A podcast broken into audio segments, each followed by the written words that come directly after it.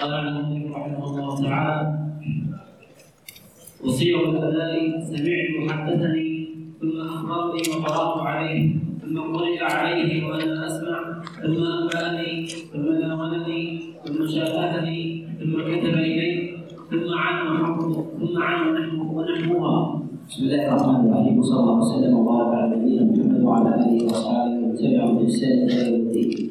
تقدم الإشارة إلى مسألة صيغ السماع وتنوعها وكذلك أيضا في اختلاف العلماء في الاتحاد بين بين الفاظ ألفاظ السماع وترتيبها فيما ذكره المصنف رحمه الله هناك من يوافقه على هذا وهناك من لا يوافقه من لا يوافقه على هذا الترتيب. ولكن ما هو محل اتفاق عند العلماء؟ أن الصيغة التي تثبت سماعا أقوى من الصيغة التي لا تثبت ذلك. فقوله اخبرنا وانبانا وحدثنا اقوى من قوله عنه أو أن فلان أو قال فلان. واختلفوا في في العنعنة والالهنه أيهما أقوى؟ قول الراوي عنه وقوله أن فلانا قال. فنقول حينئذ أن ما أفاد سماعا أقوى من غيره. ما أفاد سماعا أقوى أقوى من غيره. وغيره الذي لا يفيد سماعا يكون في الحكم في الحكم سواء. يحتار في ذلك الإنسان يحتار في هذا الإنسان. كذلك أيضا ينبغي أن نعلم أن صيغ السماع قد تدخل فيها المغايره كما تقدم الإشارة الإشارة إلى هذا. تقدم الإشارة معنا إلى هذا الاختلاف بين صيغ بين صيغ صيغ السماع. فمن الرواة من يبدل صيغة سماع شيخه ومنهم من يجريها على من يعقل. منهم من يبدلها فبعض الرواة يبدل أخبارنا عنه أو أن فلانا قال أو غير ذلك. بحسب مذهب الراوي فينظر إذا كان المحدث أو صاحب الكتاب ممن يترخص بصيغ السماع فحينئذ نقول إن الترخص بذلك هو منهج منهج له. وعلى هذا لو خالفه غيره فهذا من المخالفة المقبولة. ولكن إذا كان شديد الاحتياط بذكر صيغ السماع وخالفه غيره وخالفه غيره بذكرها فذكر أو الأنان ثم جاء راوي فذكر صيغة السماع في أمر مشكل في سماع التلميذ من الشيخ أو نحو ذلك. فإننا نقول إن الأصل في ذلك أن مثل هذه الرواية محتملة لعدم القبول. لأن بعض الرواة ربما يتجوز يغلب على ظنه أن فلان ما روى عن فلان إلا بسماع فيذكر صيغة حدثنا من باب إحسان الظن وهذا يوجد وهذا يوجد وربما ذكر الخطأ وهذا وهذا معروف في الأسانيد وإن لم يكن وإن لم يكن كثيرا. قال فالقرآن لمن سمع وحده من لفظ الشيخ فإن جمع فمع غيره. وأولها أصح وأولها وقد يقع عند بعض الرواة التجوز وذلك أن بعض الرواة يقول أخبرني فلان أو سمعت فلان يشير بلفظ المفرد بينما هو حدث الجماعة. بينما هو حدث الجماعة. قال وأولها أصرحها وأرفعها بالمياه وإذا تغيرت صيغة السماع لا يعني ذلك تغير المجلس. أنه سمعه في أكثر من موضع فإذا جاء في إسناد أخبرنا وجاء في موضع عنه أو جاء أخبرنا وفي موضع أنبأنا لا يعني ذلك. لا يعني ذلك أن أن الشيخ حدث بهذا الحديث بهذا الراوي بعينه الحديث مرتين أو أكثر من ذلك نقول هذا. هذا محتمل سواء تغيرت أو لم أو لم تتغير. ولهذا طول ملازمة التلميذ لشيخه لها أثر على ضبطه بالحديث ومعرفته له وتقديمه على غيره ممن خالطه متأخر وهذا من القرائن. قال والثالث هو الرابع من قرأ بنفسه فإن جمع فهو كالخامس والإنباء وهذا يظهر في القراءة في قوله قرأت على فلان. فهذا إشارة إلى أنه هو قارئ أنه هو القارئ وليس غيره. يعني أنه أدعى وأقرب إلى ضبط ضبط الحديث من أن لو كان يروي مع غيره. قال والإنباء بمعنى الإخبار إلا في عرف المتأخرين فهو للإجازة كعم وعن عمة بن عاصم والإجازة من مواضع الخلاف عند العلماء من جهة قبولها. والمراد بالإجازة أن يسمع التلميذ من شيخه بعض حديثه ثم يجيزه الباب أو لا يسمع منه شيئا ويجيزه بحديثه فيناوله إياه فيقول خذ هذا الكتاب حدث به عني أو حدث عني بحديث كذا. أو حدث عني بحديث كذا. فيعطيه هذا الحديث أو ذلك الكتاب فيرويه عنه منه من كتابه. ويقوم التلميذ بنسخ ذلك الكتاب. له نسختان وإذا أخذ نسخة فهو أضبط من غيره ممن يحدث عنه إجازة من كتاب غير الشيخ. فيجيزه الشيخ. ويكون الشيخ قريب الكتاب فيقول أجزتك بكتاب كذا. ولا يأخذ منه نسخ النسخة وإنما يأخذ من أحد تلاميذه فيستنسخ نسخة أخذت عن نسخة الشيخ. وهذا مما هو دون ذلك دون ذلك مرتبة ومن العلماء من يسوغ الرواية بالإجازة ويجيز قول أخبرنا بمثل هذا. ومنهم من يجيز صيغ السماع كلها باعتبار أن أن هذا الكتاب كتاب صحيح رواه عنه والإجازة يدخلها كثيرا التصحيح والتحريف. لماذا؟ لأنه لم يسمعها خاصة إذا كان المجاز ليس من أهل العلم والمعرفة بالرواية والدراية فيقع عنده التصحيح خاصة من المتقدمين خاصة من المتقدمين من غير العرب الذين كانوا في زمن عدم النار المعاصر محمولة على السماع إلا من المدلس وقيل يشترط ثبوت لقائهما ولو مرة. قل وعنعنت. وعنعنة المعاصر محمولة على السماع إلا من المدلس. هنا فيما يتعلق بالعنعنة العنعنة لا تفيد سماعا لكنها أيضا لا تدل على الانقطاع. لا تفيد السماع ولا تدل على الانقطاع وإنما تدل على احتمال الأمرين وينتفي الانقطاع بالمعاصرة وإمكان اللقي. فإذا تعاصر وأمكن اللقي ولم يتهم الراوي بالتدليس فحينئذ يكون يكون الحديث متصلا. وثمة قرائن إذا وجدت احتمل في ذلك الانقطاع. احتمل في ذلك في ذلك الانقطاع. وذلك في قرائن متعددة. منها الاختلاف في البلد. الاختلاف في البلد وتباعدهما. وذلك إذا كان الراوي مثلا خراساني الشيخ وتلميذه وتلميذه يماني. فيحدث اليماني عن الخراساني بحديث بصيغة العنعنة. وهذا إذا لم يكن ثمة قرينة بقرب البلد فيزيد احتمال عدم السماع. فيزيد احتمال عدم عدم السماع للتباع وكلما تقاربت البلدان وزادت المدة فهذا من القرائن في القبول. وأنه سمع منه. الأمر الثاني طول زمن المعاصرة. لأنه إذا زاد زاد زمن المعاصرة زال احتمال السماع. فحينما يتعاصر اثنان في بلد في بلدتين متباعدتين احتمال اللقي في ذلك قليل. كأن يكون عمر الشيخ ثمانين وعمر التلميذ عند وفاته عشرين. فالغالب أن همة الطالب في الارتحال والانتقال ولقي الشيوخ تكون بعد السن الخامسة عشرة. وكلما تأخر الناس في ذلك زمنا تأخروا كذلك أيضا عناية في هذا في هذا الباب. وهذه الفترة مع تباعد البلدان تدفع الجزم بالسماع. لماذا؟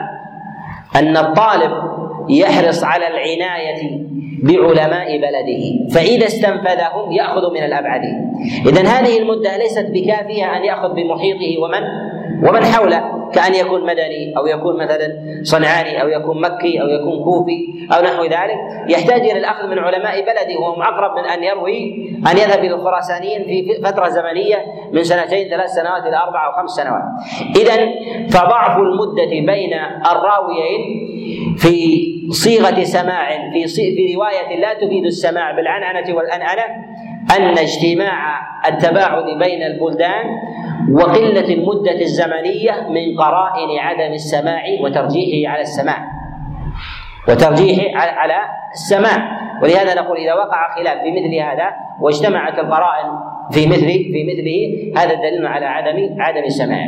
القرينة الثالثة في هذا كثرة المروي وقلته. له أثر. كثرة المروي وقلته.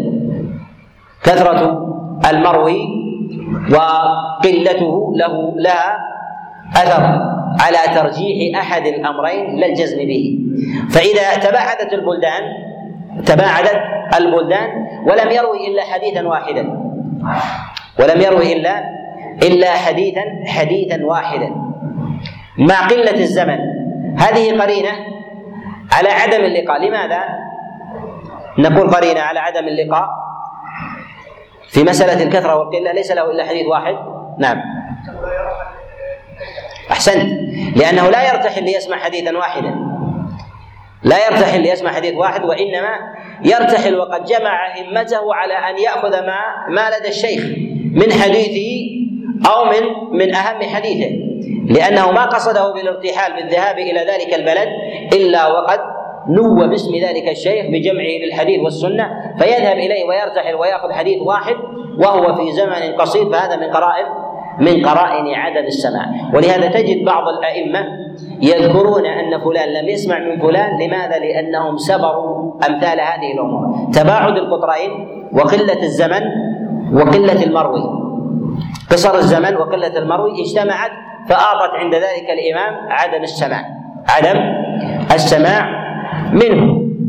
ومن القرائن أيضا أن يروي الراوي عن غير أهل بلده حديثا بصيغة عدم لا تفيد سماعا حديثا لا يوجد عند أهل بلده. لا يوجد عند أهل بلده. بمعنى حديث يرويه شخص يماني أو مصري عن خراساني. وتباعد بين القطرين بين القطرين. فيروي حديث لا يوجد عند الخراسانيين عن شيخه فهذا دليل على وجود راو بينهما وهم في ذلك. وهم في ذلك. والأصل أنه يحمل رواية الراوي أهل بلده عنه. أهل بلده عنه ف فيقومون برواية ذلك الحديث عنه وحمله وحمله كذلك. القرينة الخامسة في هذا في هذا الباب أن يكون التلميذ أن يكون التلميذ غير معروف بالارتحال من جهة الأصل. لم يرتحل إلى بلدان دون تلك البلد. كشخص مثلا مصري أو يماني أيها أقرب إليه مكة والمدينة أو خراسان. مكة والمدينة. فإذا روى عن شيخ له بصيغة لا تفيد سماعا. خراساني وهو لا يعرف بالارتحال إلى البلدان التي هي أولى وأقرب من خراسان هذه قرينة على عدم على عدم السماع. ونرجح حينئذ عدم السمع القرينة السادسة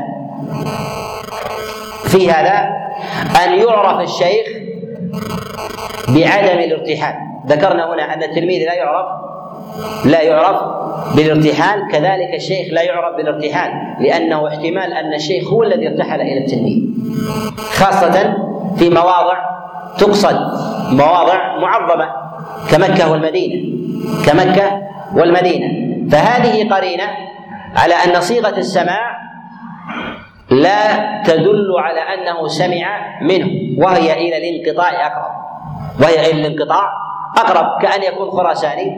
لم يشتهر عنه أنه ذهب إلى مكة والمدينة لاحتمال أن يكون ذلك التلميذ اليماني أو المصري. التقى مع الشيخ في مكة في الحج فسمع منه الحديث والحديثين. فإذا نظرنا في سيرته وجدنا أنه وجدنا أنه لم يرتحل.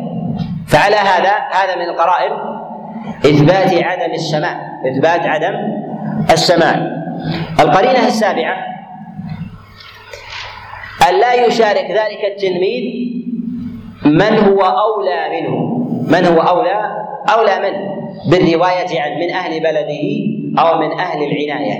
المشاركة على سبيل العموم.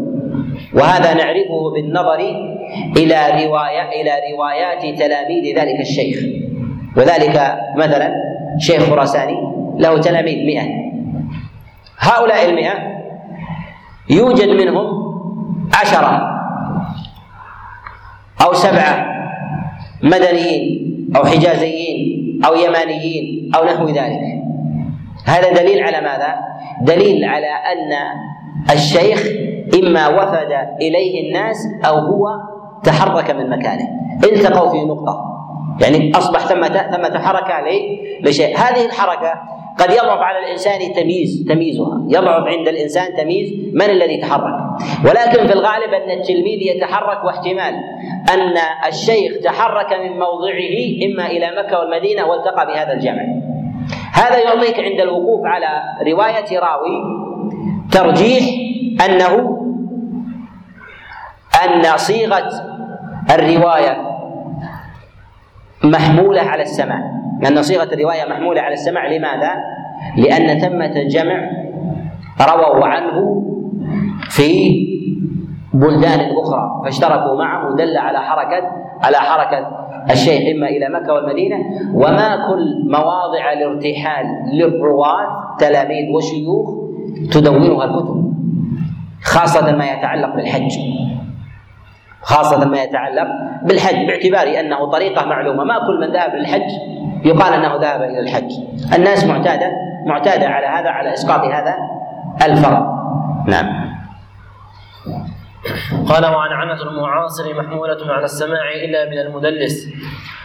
وقيل يشترط ثبوت لقائهما يقول وعنعنة المعاصر محمولة على الاتصال إلا من المدلس. هذا هذا الأصل. نشترط المعاصرة وإمكان اللقي. تقدم معنا القرائن هذه التي تعطي الإنسان إيحاء لكن لا تدل دليلا قاطعا. لا تدل دليل قاطع. كون الإنسان مصري وذاك يماني هل هذا دليل قطعي أنه ما التقيا؟ ليس بدليل. هذا هذه أقطار. لكن هي قرائن. إذا اجتمعت أمثال هذه القرائن أعطت الإنسان قوة بنفي ذلك بنفي ذلك السمع ولهذا نقول المعاصرة وإمكان اللقي. المعاصرة تتباين. منها ما تمتد عشر عشرين ثلاثين أربعين سنة كلما امتد الزمن زاد احتمال اللقاء. وإذا قصر قصر احتمال اللقاء. ولهذا نقول اسم المعاصرة عريض وهو شامل لسنوات لسنة سنتين وشامل لعشرين وثلاثين وخمسين وستين سنة. نعم. قال وقيل يشترط ثبوت لقائهما ولو مرة وهو المختار وبين هذين بين المعاصرة وثبوت اللقاء إمكان اللقاء. أن يكون ممكن لا مستحيل. أن يكون أن يكون ممكنا لا مستحيلا. هناك ما هو مستحيل مع وجود المعاصرة. وجود المعاصرة. أن يروي التلميذ عن شيخه حديثا والشيخ محبوسا. هذه معاصرة. لكن السماع في ذلك محال أن يروي خاصة إذا كان التلميذ بعيد عن الشيخ فما هي الخصيصة أن لقي التلميذ الشيخ في حبسه وهو مغترب عنه ولم يره؟ أخص الناس أخص الناس به. إذا فوجود المعاصرة في ذاتها لا يلزم من ذلك لا يلزم من ذلك اللقي. بل حتى إمكان في حتى إمكان اللقي إذا وجد دليل قاطع بعدم ثبوته فإنه يقال بذلك. كذلك أيضا إذا وجدت المعاصرة وكان التلميذ صغيرا. توفي الشيخ وعمره عشر سنوات وبلده بعيدا. التلميذ عمره عشر. عند وفاة الشيخ وهم من بلدان بعيدة كاليماني والشامي. الشيخ شامي والتلميذ يماني. والتلميذ عمره عشر سنوات عند وفاة الشيخ. هذا شبه قطع أن إمكان اللقي بعيد. لماذا؟ لأن الصغير لا يعرف بالرحلة. لا يعرف بالانتقال من بلد إلى إلى بلد. نعم. قال واطلقوا المشافهة في الإجازة المتلفظ بها والمكاتبة في الإجازة المكتوب بها واشترطوا في قال وعنعنة المعاصر محمولة على السماع إلا من المدلس وقيل يشترط ثبوت لقائهما ولو مرة وهو المختار. وأطلقوا المشافهة في الإجازة المتلفظ بها. والمكاتبة في الإجازة المكتوب بها. تقدم الكلام على هذا. الإجازة إما أن تكون معاينة مع مشاهدة بحيث يشاهد الإنسان آه، من أجازه وإما أن يكون ذلك كتابة أن يكتب له إجازة برواية ذلك الحديث. سواء رآه قبل ذلك أو لم يره. وكلها إجازة إذا صح التثبت من النسخة. أن لم يدخلها دخيل وأن النسخة هي التي كتب بها الشيخ إليه. نعم. قال واشترطوا في صحة المناولة اقترانها بالإذن بالرواية وهي أرفع أنواع الإجازة.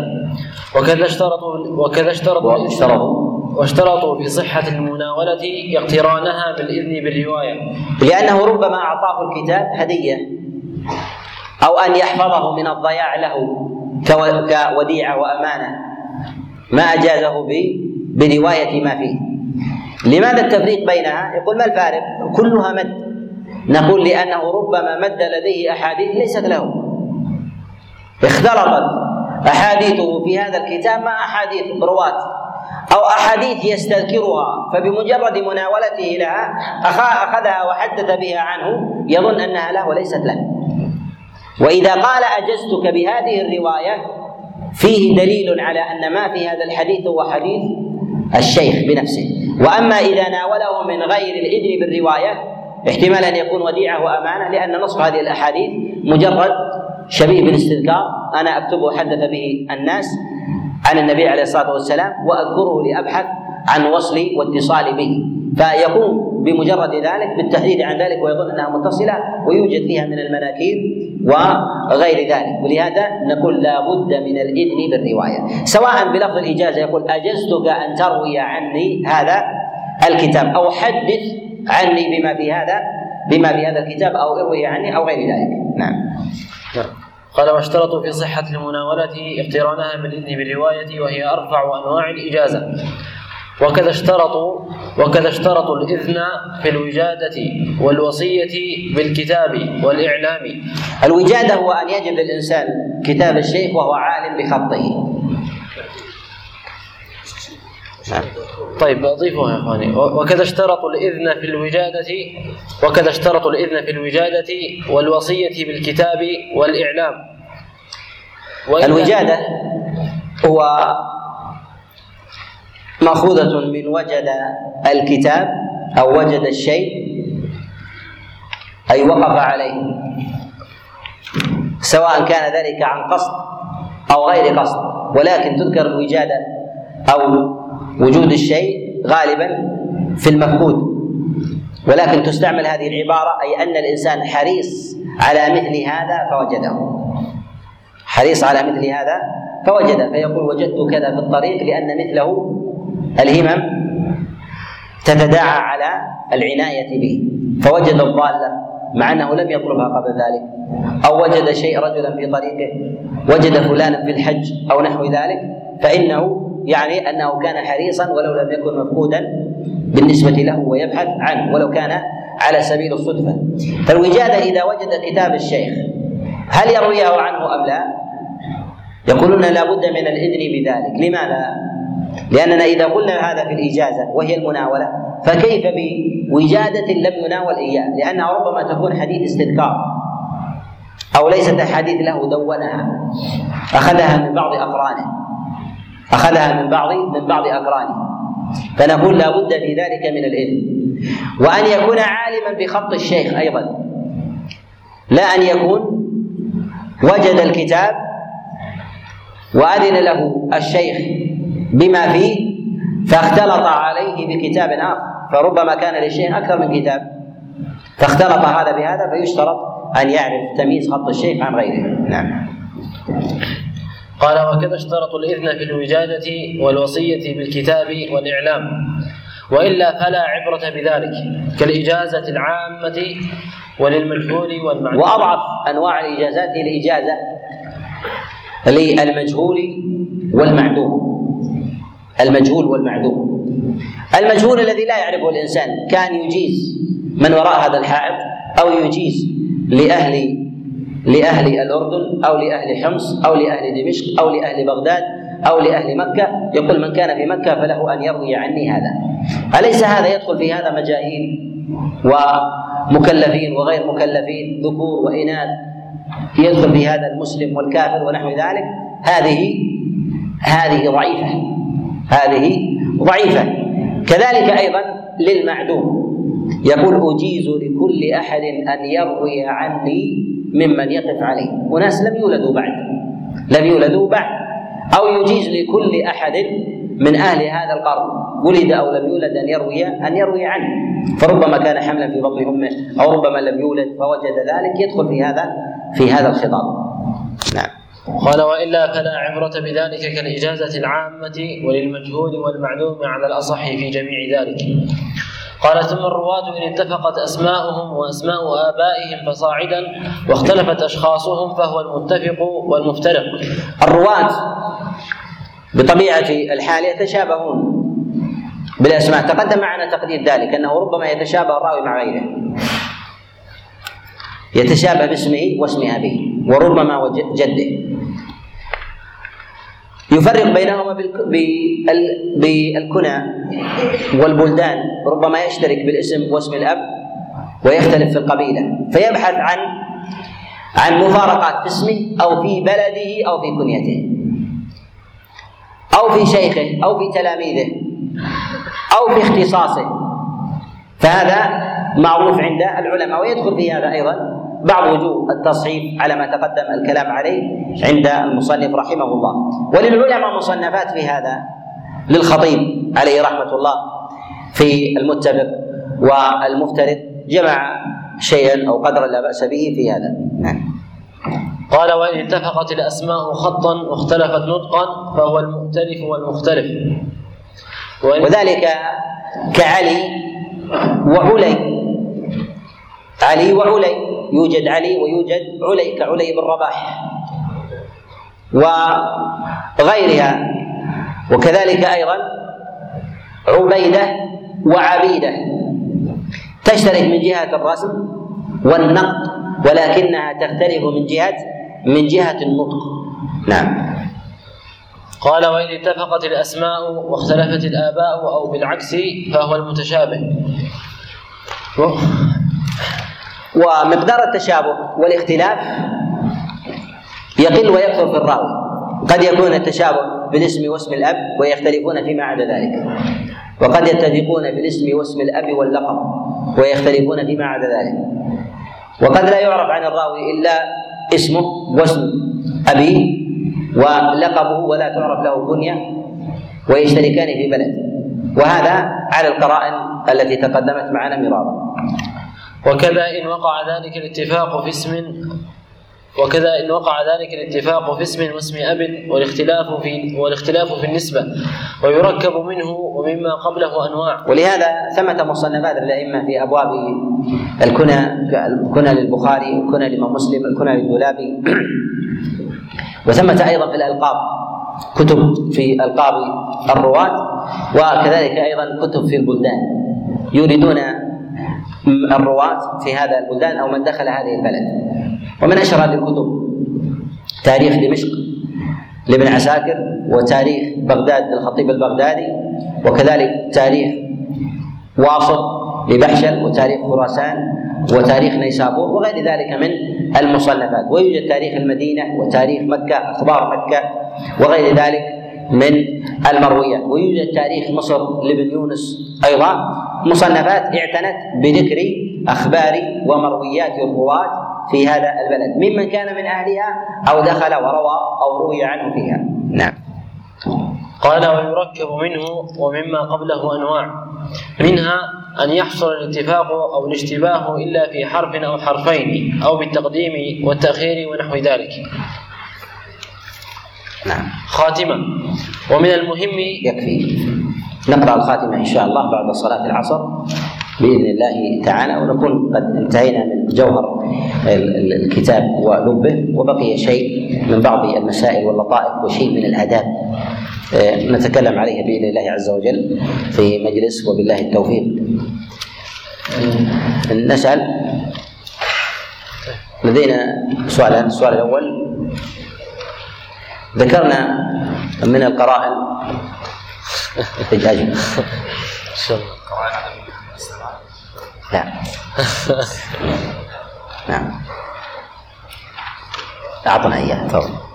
اختلاف البلاد وتنوعها نعم. كثرة المرويات وقلتها أن يكون زمن معاصر المعاصره اراد ان لا يرحل بالترحل ان لا يرحل الشيخ الترحل السبعه عن يشتهي ذلك التكميل هو أو تكميل النظريه.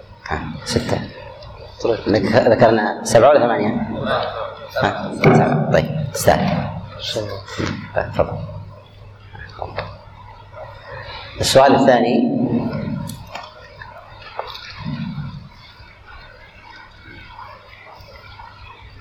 من يعطيني عشر فوائد من الدرس؟ نعم. عشر فوائد؟ ليست بكثيرة. عشر فوائد من هذا المجلس. مجلس الساعة تفضل. عام نعم. لا في مجلسنا هذا. نعم. آه لا. أشياء فوائد ذكرناها علمية من هذا الكتاب.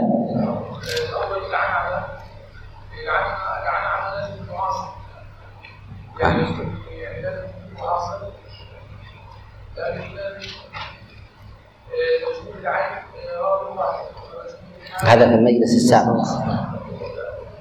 لا نريد هذه الساعة. شيخ منذر. نعم نعم. وين منذر.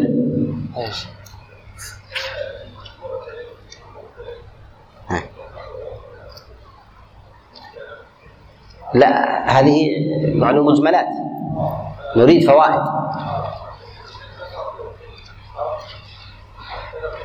طيب نريد أن نختصر.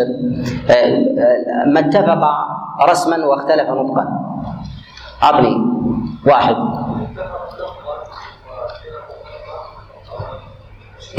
اختل- اتفقوا رسما واختلفوا نطقا. اعطني مثال. زين أحسنت. ها؟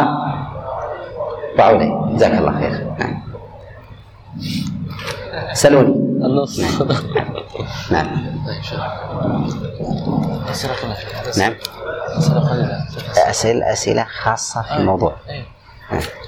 يقول السائل هناك أحاديث في هناك أحاديث في مسلم فيها عنعنة فما حكمها؟ يقول هناك حديث صحيح الإمام مسلم فيها عنعنة فما حكمها؟ نقول ينبغي أن نعلم جلالة الإمام مسلم رحمه الله وأن نعلم عنايته بالروايات والمرويات ومعرفة الرواة أيضا وكذلك أيضا معرفة البلدان وهو من أهل الارتحال أيضا بدخول كثير من من البلدان وكذلك أيضا معرفة للفقه المروي عن السلف وكذلك لقاء الشيوخ واختصاصهم بالتلاميذ والانتقاء من الاحاديث فهو من أهل البصيرة والنقد في هذا ولهذا لا ينبغي لطالب العلم أن ينظر إلى إلى عنعنة مجردة منفكة عن قرائن كثيرة موجودة تعطي الإنسان شبه يقين في بعض المواضع. فينظر إلى إليها مجرد عنعنة ثم يقول بالكلام بالكلام عليها. لهذا أولئك الأئمة كانوا في زمن أحصوا كثيرا من البلدان ودخلوها والرواة وعرفوهم والمرويات فهموها وعرفوا الأزمنة والأماكن التي يجتمع فيها الناس وإن كان اللغي. فكان بين المتأخرين وبين المتقدمين شيء من الانفصال عن إدراك كثير من هذه المعلومات. لهذا الإمام مسلم رحمه الله في ذكره لبعض الصيغ التي لا تفيد سماعا أنه ثبت عنده السماع. ولو التمس ذلك في القرائن لوجد أن ذلك ظاهر. لوجد أن ذلك ظاهر ولهذا نقول ان الامام مسلم رحمه الله يروي احاديث بالعنعنه مما ثبت سماعه عنده ولهذا لا تجد متنا منكرا أو مخالفا للثقات أو وجدت فيه قرائن تدل على رد على رد تلك العنعنه الا والمعاصره موجوده وامكان اللق- اللقي كذلك متوفر واجتمعت قرائن أخرى دلت على على ذلك. يقول السائل جزاكم الله خيرا. نرجو منكم بيان صيغة التمريض آه، وحكمها. يقول هنا صيغة التمريض. التمريض له صيغ متعددة كيروى ويذكر ويقال ويحكى وحكي وغير ذلك هذه من صيغ التمريض وأشباهها. وأما الجزم فيقول قال وذكر وحدث وروى فلان فهذه من صيغ فهذه من صيغ الجزم. وهذه يشتهر بها البخاري رحمه الله في كتابه الصحيح في الأحاديث المعلقه فيذكر تارة بصيغة الجزم وتارة بصيغة التمريض. وصيغة التمريض ليس له اضطراد فيها أنه يذكر يذكرها بصيغة التمريض ويريد من ذلك الإعلان. ربما ذكر الحديث بصيغة التمريض ويريد به الإعلان أو ربما ذكر الحديث أو المروي بصيغة التمريض لكونه قاصرا عن شرطه لا لكونه ضعيف لأن له شرط وهو قاصر عنه. الأمر الثالث ربما روى الحديث بصيغة التمريض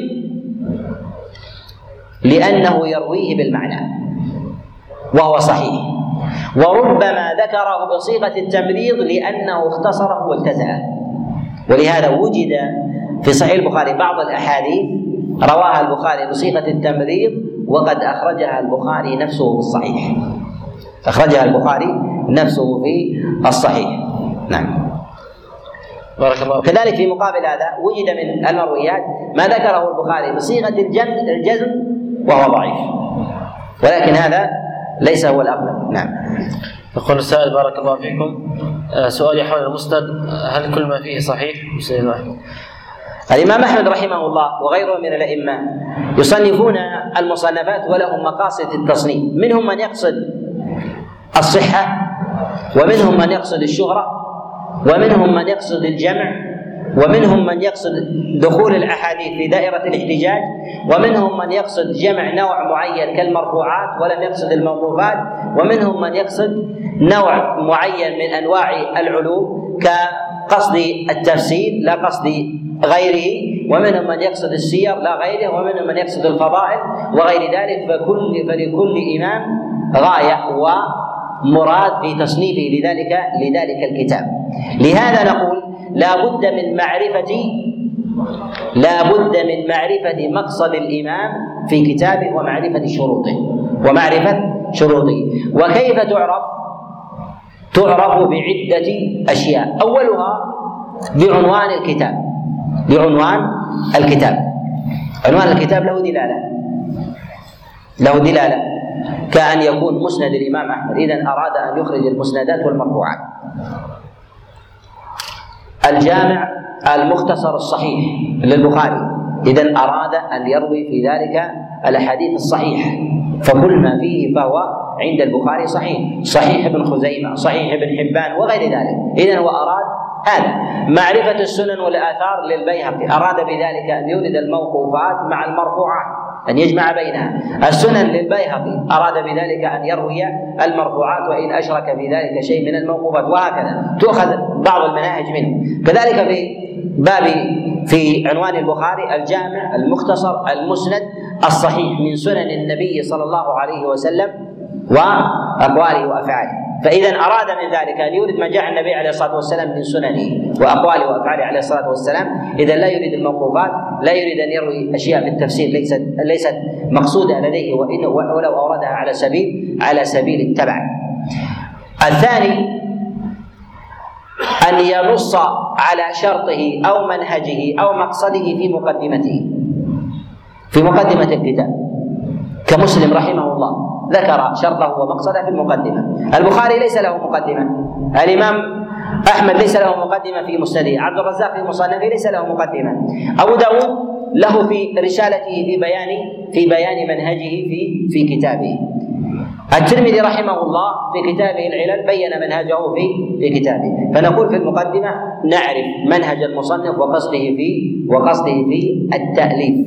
إما في المقدمة أو في ثنايا أو في ثنايا الكتاب. الثالث بالصبر.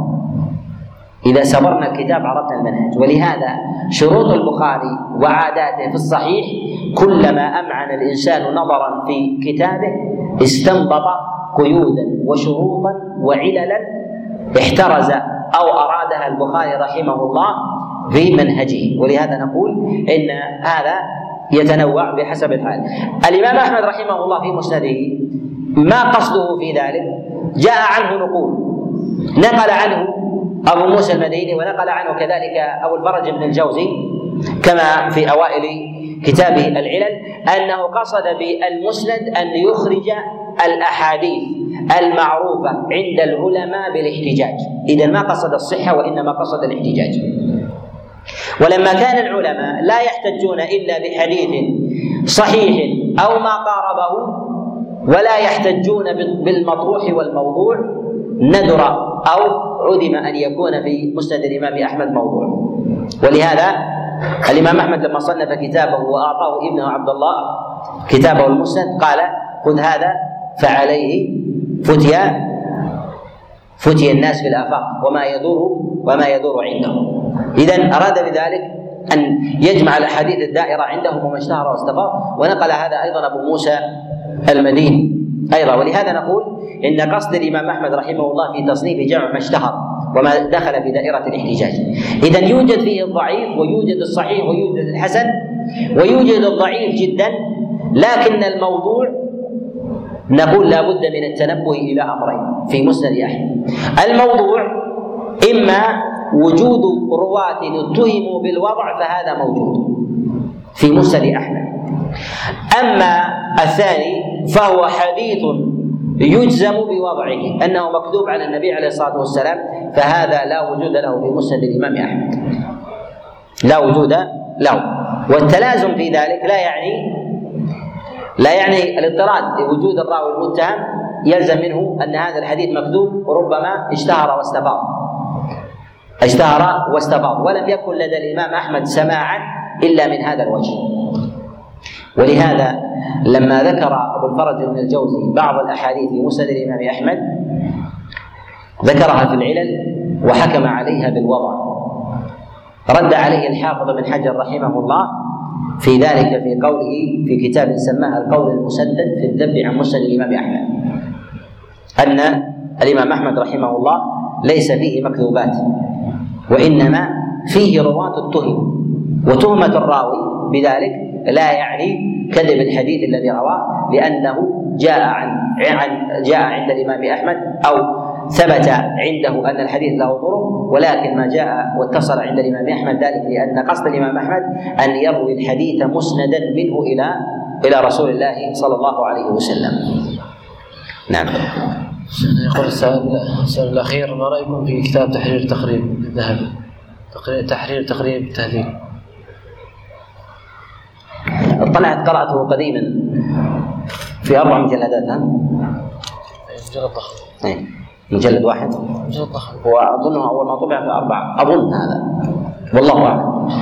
تحرير التقريب تقدم معنا إلى الأئمة خاصة يبدو لي أن أكثر الاستدراكات في هذا الكتاب فيما أذكر إنما هي خاصة على قضية المستور والمجهول والمقبول عند الحافظ بن حجر. وذكرنا وتقدم معنا أن محاولة ضبط مسألة المجهول والمقبول على من يروي عنه من يروي عنه اثنين أو ثلاثة والتزام ذلك بالاضطراد هل هذا سليم أو ليس بسليم؟ ليس بسليم وإنما لابد من النظر إلى جملة من القرائن ما هي القرائن التي ذكرناها في مسألة المجهول ورفع الجهالة؟ أنه ربما راوي يروي عنه اثنان من الرواة نرفع عنه الجهالة وراوي يروي عنه الثلاثة لا نرفع عنه الجهالة. نعم. عدالة من يرون عنه رجل كمالك يروي عن واحد أقوى من غيره الراوي ربما مستور يكون مدني المدني جهالة المدني تختلف عن العراقي والمصري وغير ذلك لماذا؟ لأن لقلة الكذب الطبقة المتقدمة تختلف عن غيرها جهالة النساء تختلف عن جهالة الرجال عدد التلاميذ عدد الأحاديث وغير ذلك هذه قرائن اجتمعت جعلت نظام العدد في ضبط ذلك فيما يروي من تلاميذ غير منضبط فربما حمل ذلك بعضهم إلى عدم عدم الانضباط في الحكم وهذا ليس كذلك وإنما هي قرائن تصير الإنسان وهذه الملكه تكون لدى الإنسان مع قوة سبره وكثرة اطلاعه ومعرفته بالرواة وبلدانهم وطبقاتهم وكذلك شيوخهم وتلامذتهم ومروياتهم وأنواع تلك المرويات. وبالله التوفيق وصلى الله وسلم وبارك على نبينا محمد.